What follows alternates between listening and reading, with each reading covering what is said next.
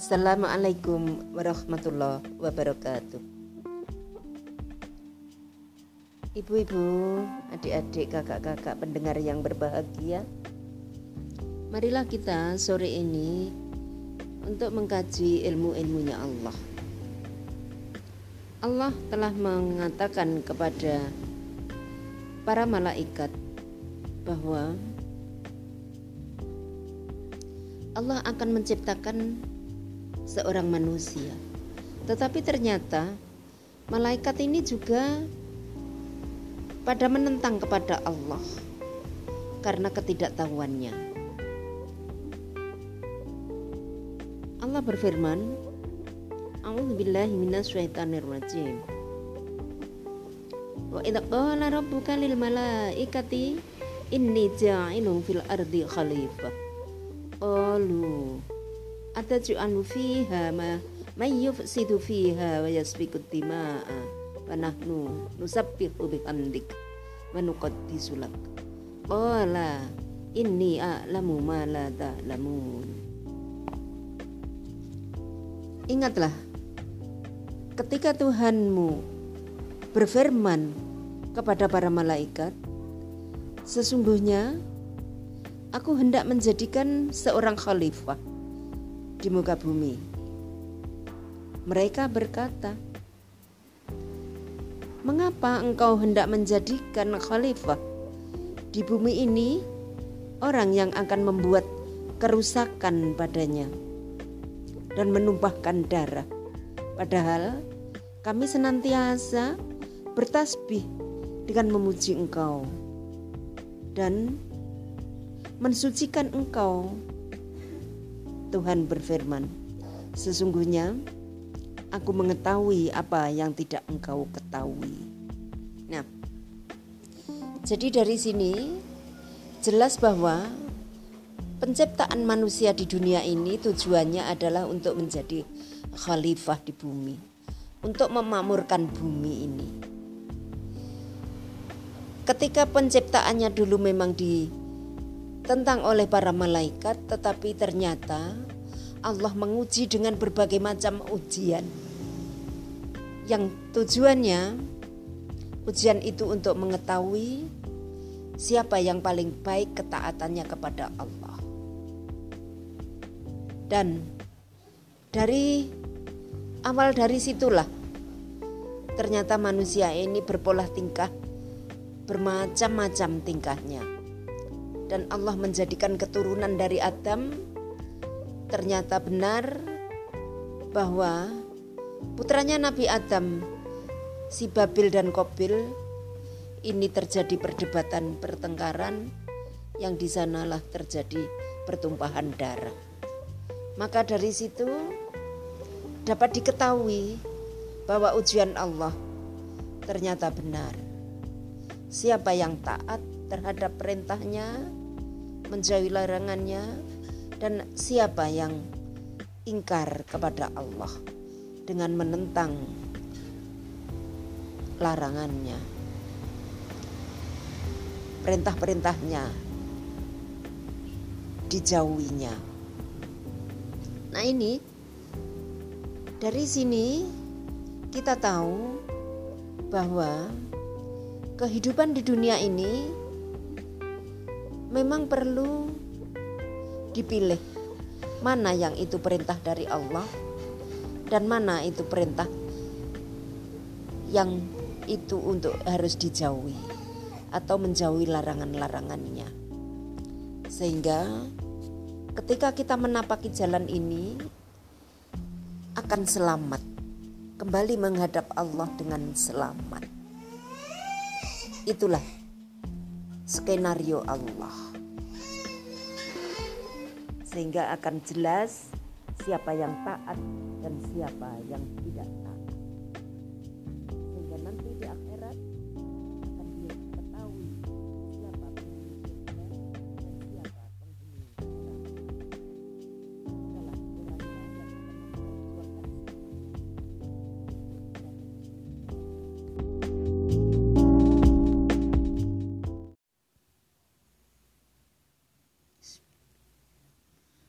Assalamualaikum warahmatullahi wabarakatuh.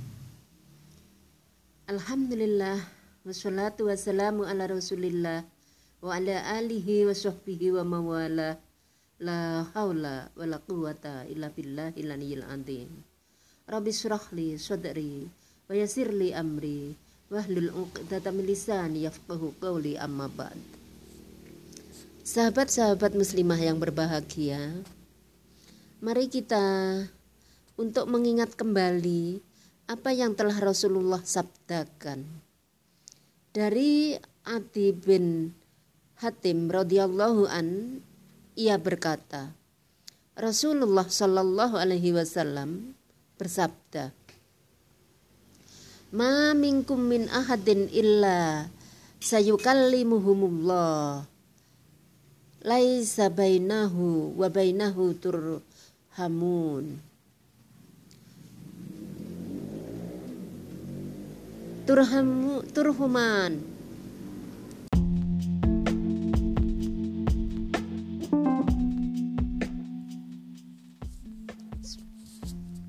Assalamualaikum warahmatullahi wabarakatuh. Alhamdulillah wassalatu wassalamu ala Rasulillah wa ala alihi wa sahbihi wa mawalah La haula wa la quwata illa billahil aliyyil azim. Rabbi shrah li sadri wa yassir li amri wahlul 'uqdatam min lisani yafqahu qawli amma ba'd. Sahabat-sahabat muslimah yang berbahagia, mari kita bersama-sama untuk mengingat kembali sabda Rasulullah sallallahu alaihi wasallam. Dari Adi bin Hatim radhiyallahu an ia berkata, Rasulullah Shallallahu Alaihi Wasallam bersabda, Ma minkum min ahadin illa sayukallimuhumullah.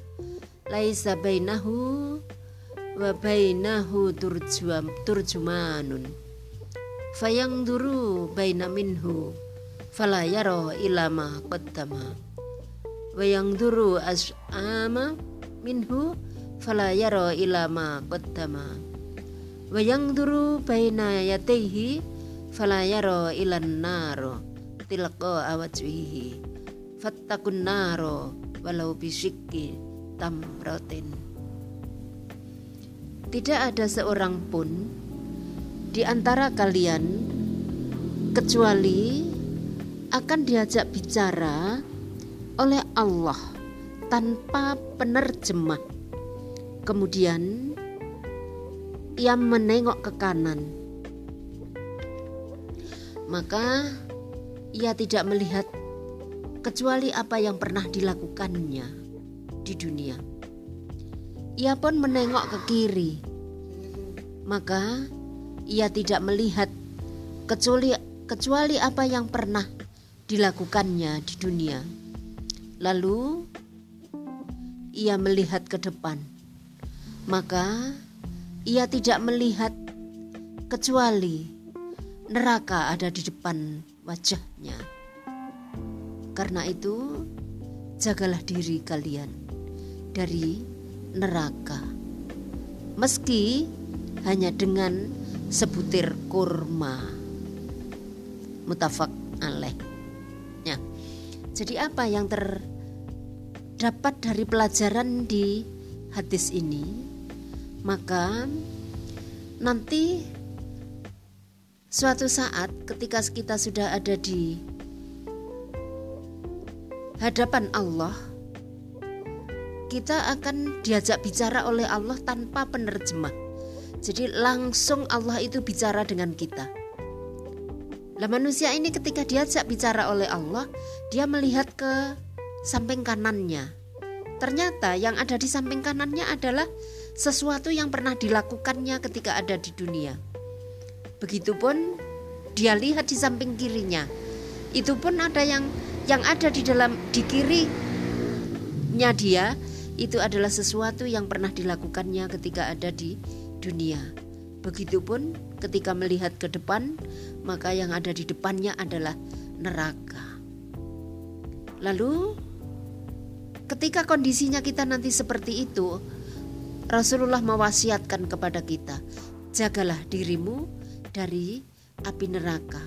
Meski itu hanya bersedekah dengan sebutir kurma. Nah, ini artinya apa pun itu bentuknya yang kita sedekahkan itu semua akan mencegah diri kita dari api neraka. Jadi, nilai sedekah itu bukan berarti akan menghilangkan sesuatu dari diri kita. Artinya kehilangan dari harta atau dari apa pun yang kita punya yang sedang kita sedekahkan, tetapi itu semua nanti akan menjadi penghalang dari api neraka. Sehingga sangat berbahagialah bagi orang yang bersedekah apa pun bentuk sedekahnya kepada orang lain itu artinya nanti dia akan diselamatkan dari api neraka. Begitulah Rasulullah mengajari kita.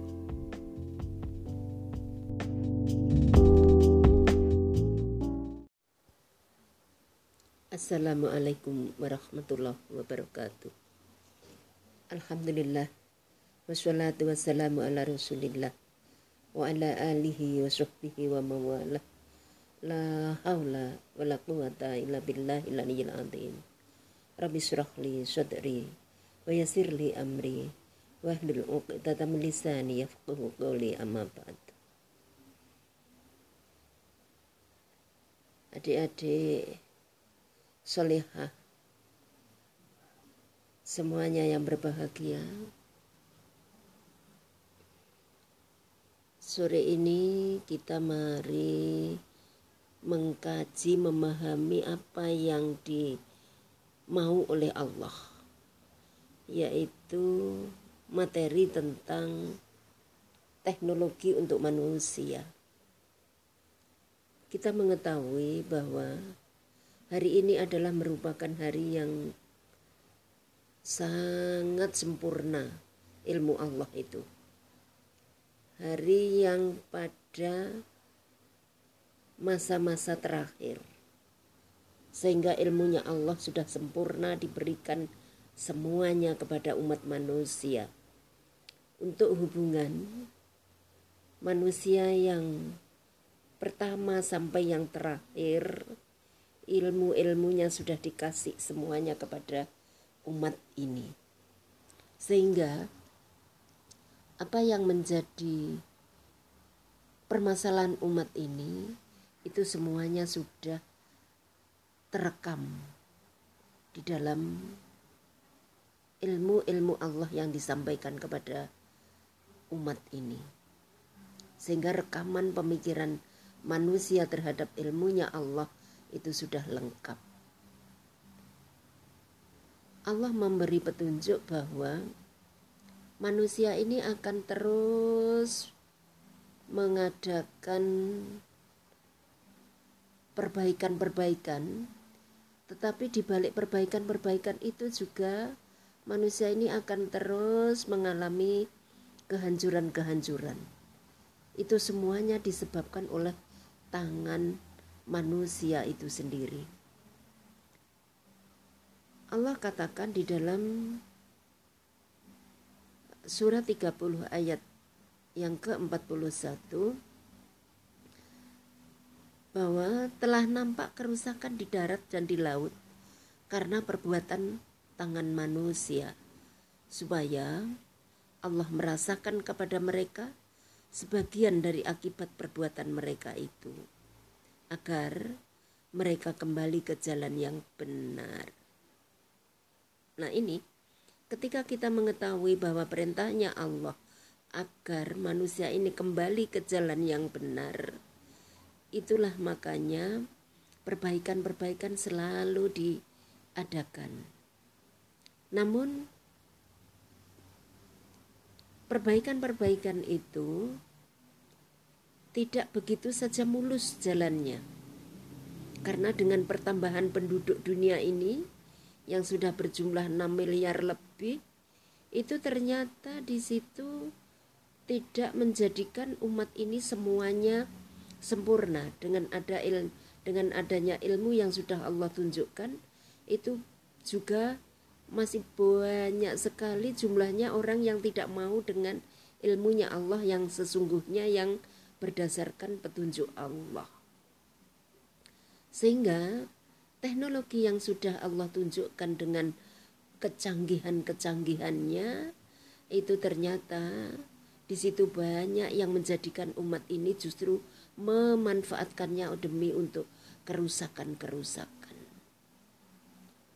Alat-alat yang dipakai untuk peperangan itu sebenarnya Allah tujukan untuk perdamaian. Tetapi ternyata itu dimanfaatkan oleh manusia untuk memerangi satu dengan yang lainnya.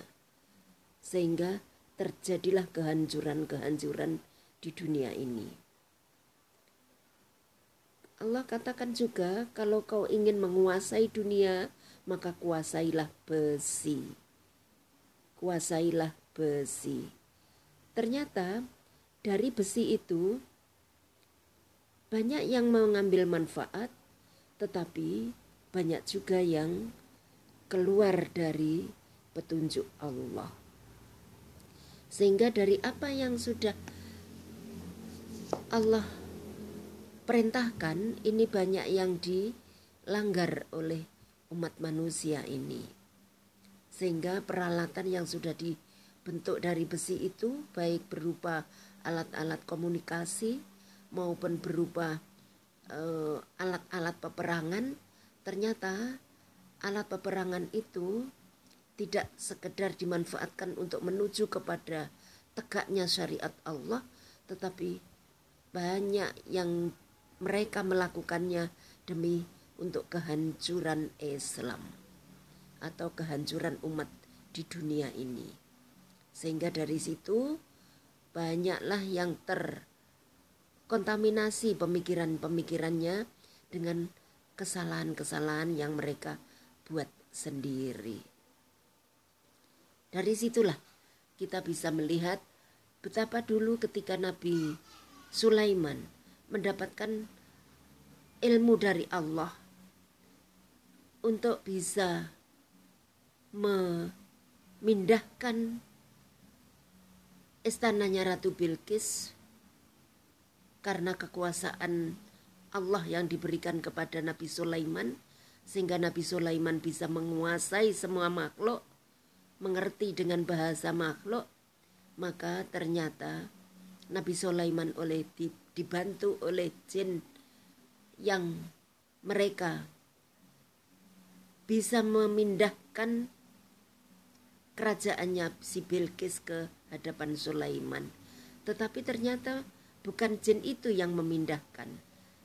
Ternyata di akhir pembicaraannya adalah orang yang diberi kitab, orang yang diberi ilmu oleh Allah.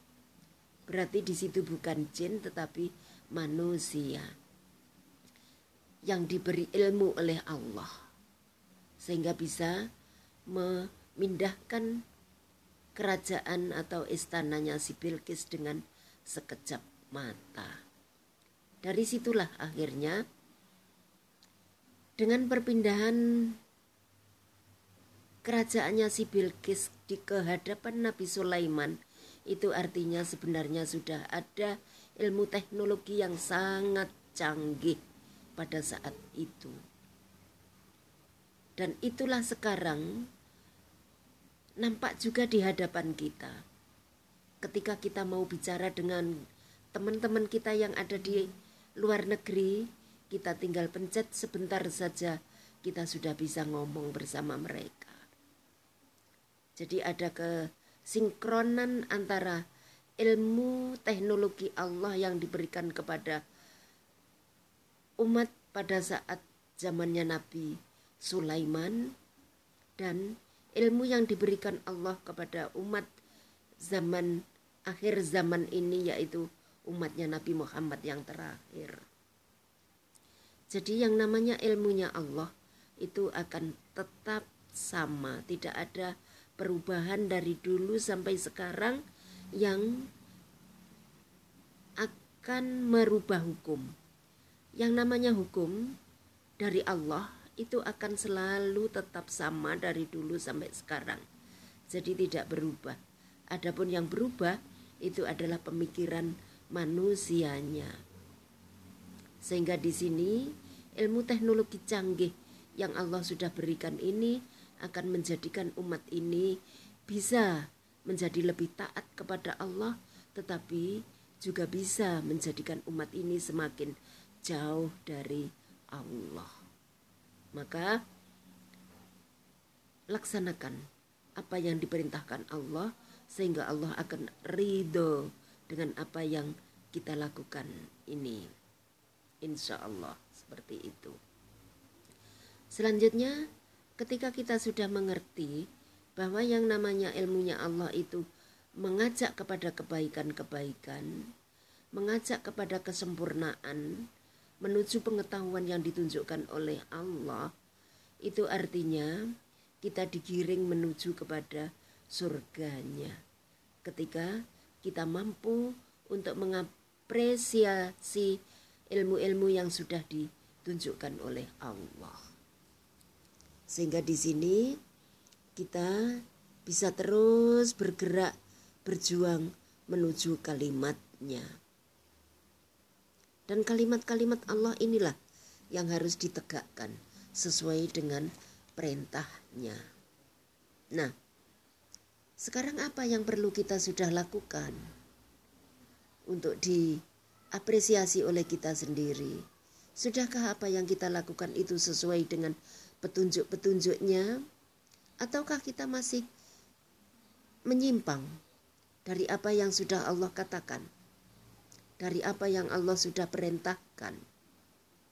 Ternyata yang kita nampak lihat di depan kita banyak sekali penyimpangan-penyimpangan yang akhirnya dari penyimpangan-penyimpangan ilmunya Allah itulah akhirnya umat ini diingatkan bahkan diazab atau dikasih musibah-musibah yang tiada henti. Musibah satu dengan musibah lainnya saling berkaitan. Itu semuanya karena Allah sudah katakan inna lillahi wa inna ilaihi roji'un. Semuanya itu datangnya dari Allah dan akan kembali lagi kepada Allah. Maka ketika sekarang kita yang diberi atau dinampakkan musibah-musibah kepada kita, maka kita perlu mengambil hikmah di balik kejadian itu sebenarnya apa yang harus kita kerjakan. Ternyata wa inna ilaihi roji'un dan hanya kepadanya lah kita kembali. Nah, ketika kita sudah atau dalam posisi masih hidup seperti ini, kembalinya ya kembali ke ajaran Allah. Kembali kepada Al-Qur'an dan sunnah Rasul. Itulah yang dikehendaki Allah. Sehingga ketika kita mau kembali ke sunnah Rasul, kembali ke syariat Allah, ini bisa menjadikan kita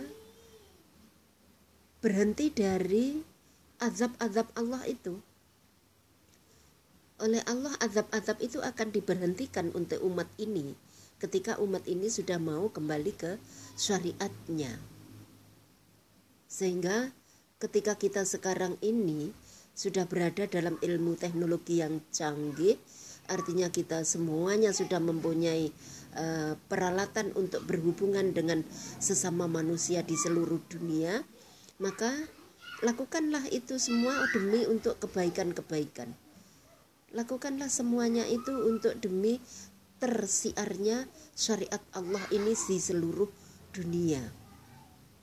Maka ketika itu semuanya sudah tersampaikan ke seluruh penduduk dunia, insya Allah Rasul yang sudah sudah dikatakan oleh Rasulullah sejak dulu bahwa Islam ini akan masuk ke seluruh pintu rumah itu akan tercapai dan insya Allah sekarang Islam itu sudah masuk ke seluruh pintu rumah bahkan setiap orang itu sudah pegang alat canggih yang berupa apa pun itu HP, apa pun itu, apa pun itu laptop. Itu semua sudah berada di tangan manusia sehingga ada kesempatan untuk menerima ilmu Allah ini dengan sempurna. Tinggal manusianya saja mau ambil atau tidak. Ketika manusianya ini mau ambil, insya Allah bumi ini akan berhenti dari segala goncangan-goncangan bumi ini akan selesai dari musibah-musibah jika umatnya mau mengambil hikmah dari apa yang Allah sudah turunkan ini. Sehingga kembali ke jalan Allah yaitu menegakkan syariatnya dengan berdasarkan Al-Quran maupun sunnah-sunnah Rasul. Jika itu yang kita lakukan insya Allah Allah ridho.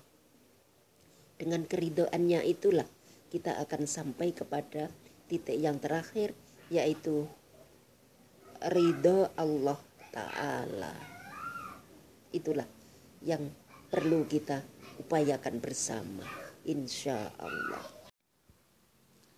Assalamualaikum warahmatullahi wabarakatuh. Adik-adik, kakak-kakak solihah semuanya. Mari kita saat ini berbicara, berbincang bersama dengan kakak Nurjana untuk bisa kita saling bersilaturahim lewat udara. Kali ini kita perlu untuk mengingat kembali bahwa Allah pernah katakan tentang orang-orang yang diberi ilmu.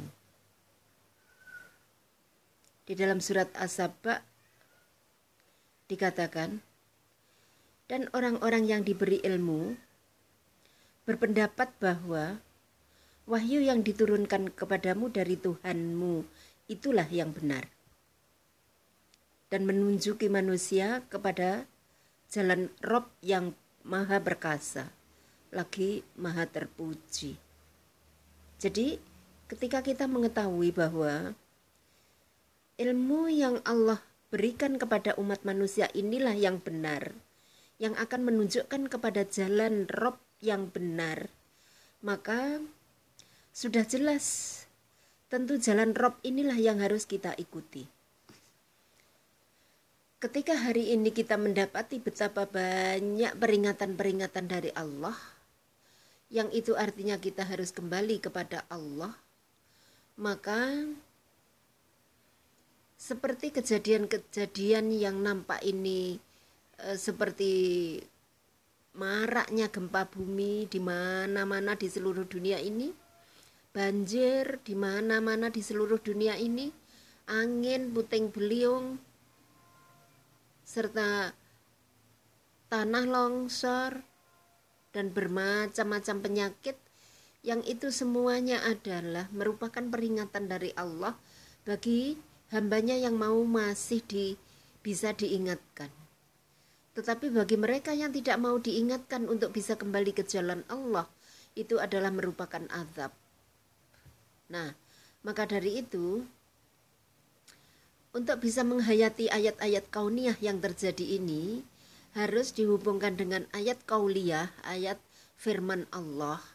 Dan ketika itu sinkron, maka benarlah bahwa ilmu Allah yang ditunjukkan di dalam ayat kauniyah ini merupakan petunjuk yang benar bahwa kita harus kembali ke jalannya.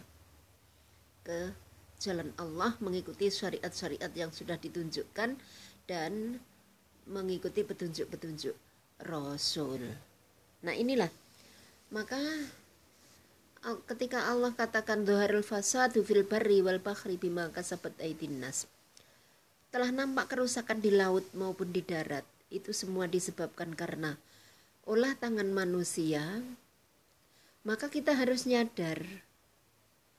Harus nyadari bahwa semua kejadian alam itu tadi disebabkan oleh tingkah pola tangan manusia. Ketika umat manusia manusia ini sudah ada petunjuk untuk mengikuti syariat, tetapi ternyata syariatnya Allah ini tidak di pakai dalam kehidupan sehari-hari, bahkan mengedepankan aturan-aturan yang mengandalkan pemikiran manusia itu sendiri tanpa mengindahkan aturan dari Allah, maka ya inilah yang terjadi. Jadi semuanya itu disebabkan karena manusianya ini meninggalkan aturan-aturan hidup dari Allah sebagai pencipta manusia dan jagat raya semuanya ini seisinya. Ketika manusia sebagai ciptaan Allah yang satu-satunya di, makhluk yang diberi pikiran untuk kembali ke syariat Allah mengikuti jalannya, mengikuti syariatnya dia sebagai pedoman hidup, tetapi kok itu tidak dipakai, ya jelas kenikmatan-kenikmatan fasilitas-fasilitas hidup itu oleh Allah diambil kembali. Sebagaimana dulu pernah terjadi kepada Bapak Adam dan Ibu Hawa di surga ketika kenikmatan-kenikmatan itu diabaikan maka yang terjadi adalah surga itu diambil kembali oleh Allah dan suruh turun ke bumi. Begitupun di sini sudah ada janji oleh Allah untuk dibuatkan aturan-aturan dan siapa pun yang mengikuti aturan-aturanku, aturan Allah maksudnya, bisa akan kembali lagi ke surga. Tetapi ternyata aturan-aturan itu diabaikan juga oleh umat manusia ini. Maka yang terjadi kenikmatan-kenikmatan, fasilitas-fasilitas hidup yang di dunia ini sudah e, menjadi kesenangan-kesenangan bagi umat manusia maka dihancurkan oleh Allah diambil kembali oleh Allah karena semua itu adalah milik Allah dan hanya taat kepada Allah saja. Maka semua benda-benda ketika itu suruh ambil dengan lewat banjir lewat gempa ya sudah akan di akan habis kembali lagi ke Allah. Lalu bagaimana Selanjutnya, apakah kita diam ketika terjadi musibah yang seperti ini? Nah, ini semua yang harus kita segera sadar sehingga kembali ke syariat Allah, memahami apa itu e, kalam-kalam Allah yang ada di dalam Al-Qur'an sehingga ketika kita faham, kita bisa kembali lagi ke jalannya. Begitupun dengan petunjuk-petunjuk Rasulullah, kita memahami sunnah-sunnahnya, maka ketika kita sudah faham, kita kembali ke sunnah Rasul. Nah, begitu petunjuk dari Allah maupun petunjuk dari Rasulullah. Nah, ketika kita sudah mengetahui bahwa di dunia ini hanya ada satu Tuhan. Kul huwallahu ahad. Katakan Allah itu satu. Itu di kitab apa pun yang datangnya dari Allah pasti mengatakan bahwa Allah itu hanya satu. Adapun perkembangan kehidupan manusia lah, perkembangan peradaban hidup manusia itulah yang menjadikan mereka berprasangka bermacam-macam terhadap Tuhan. Sehingga menjadikan Allah itu marah. Karena sudah ditegaskan oleh Allah bahwa Allah itu sama sekali tidak mau ditandingi. Tetapi manusia sebagai hambanya yang diberi pikiran itu justru menandingi Allah dengan mengagung-agungkan benda atau mengagung-agungkan pikirannya. Padahal harusnya yang diagungkan adalah hanya Allah saja. Hanya Allah saja. Makanya marilah kita kembali ke jalannya supaya segera selesai apa yang terjadi di dunia ini dari musibah-musibah ini.